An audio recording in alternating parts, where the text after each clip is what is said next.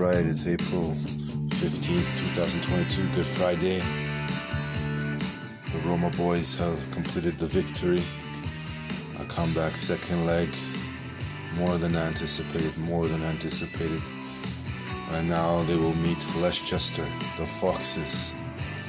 Another great matchup for Rome. This will be a very, very good game looking forward to it. Looking forward to see how uh, the next games progress. They made it to the final four of the Europa Conference League. The final four of the Europa Conference League. Two games here, and they are into the final. And uh, that will be it. Very beautiful, very beautiful. Congratulations, boys. So happy for you. I was so happy for you to uh, to get that far, and I'm glad that you're fifth place in the Serie A right now. Also solidifying pretty much uh, Europa League spot, but uh, a few games left to go. Um, so have to play your cards right now.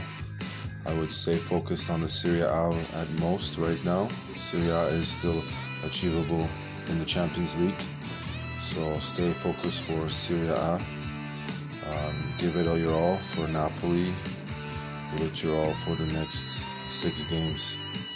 See what the outcome will be. Possible 18 points can be picked up, and and uh, the team could have a spot in the Champions League instead of a Europa League even. So uh, congratulations to that, and keep focused on it. Trophies are trophies. Sometimes. Uh, uh, a Europa League conference trophy is very important because it's inauguration of the first trophy and wouldn't be nice to, to win a nice green trophy like that. So uh, keep at it. Um, anyway, uh, the goal is goals are there. You're, you're achieving greatness. It's very nice to see hard work, hard effort every day. It's been great to see. Thank you very much, boys in Roma. Thank you.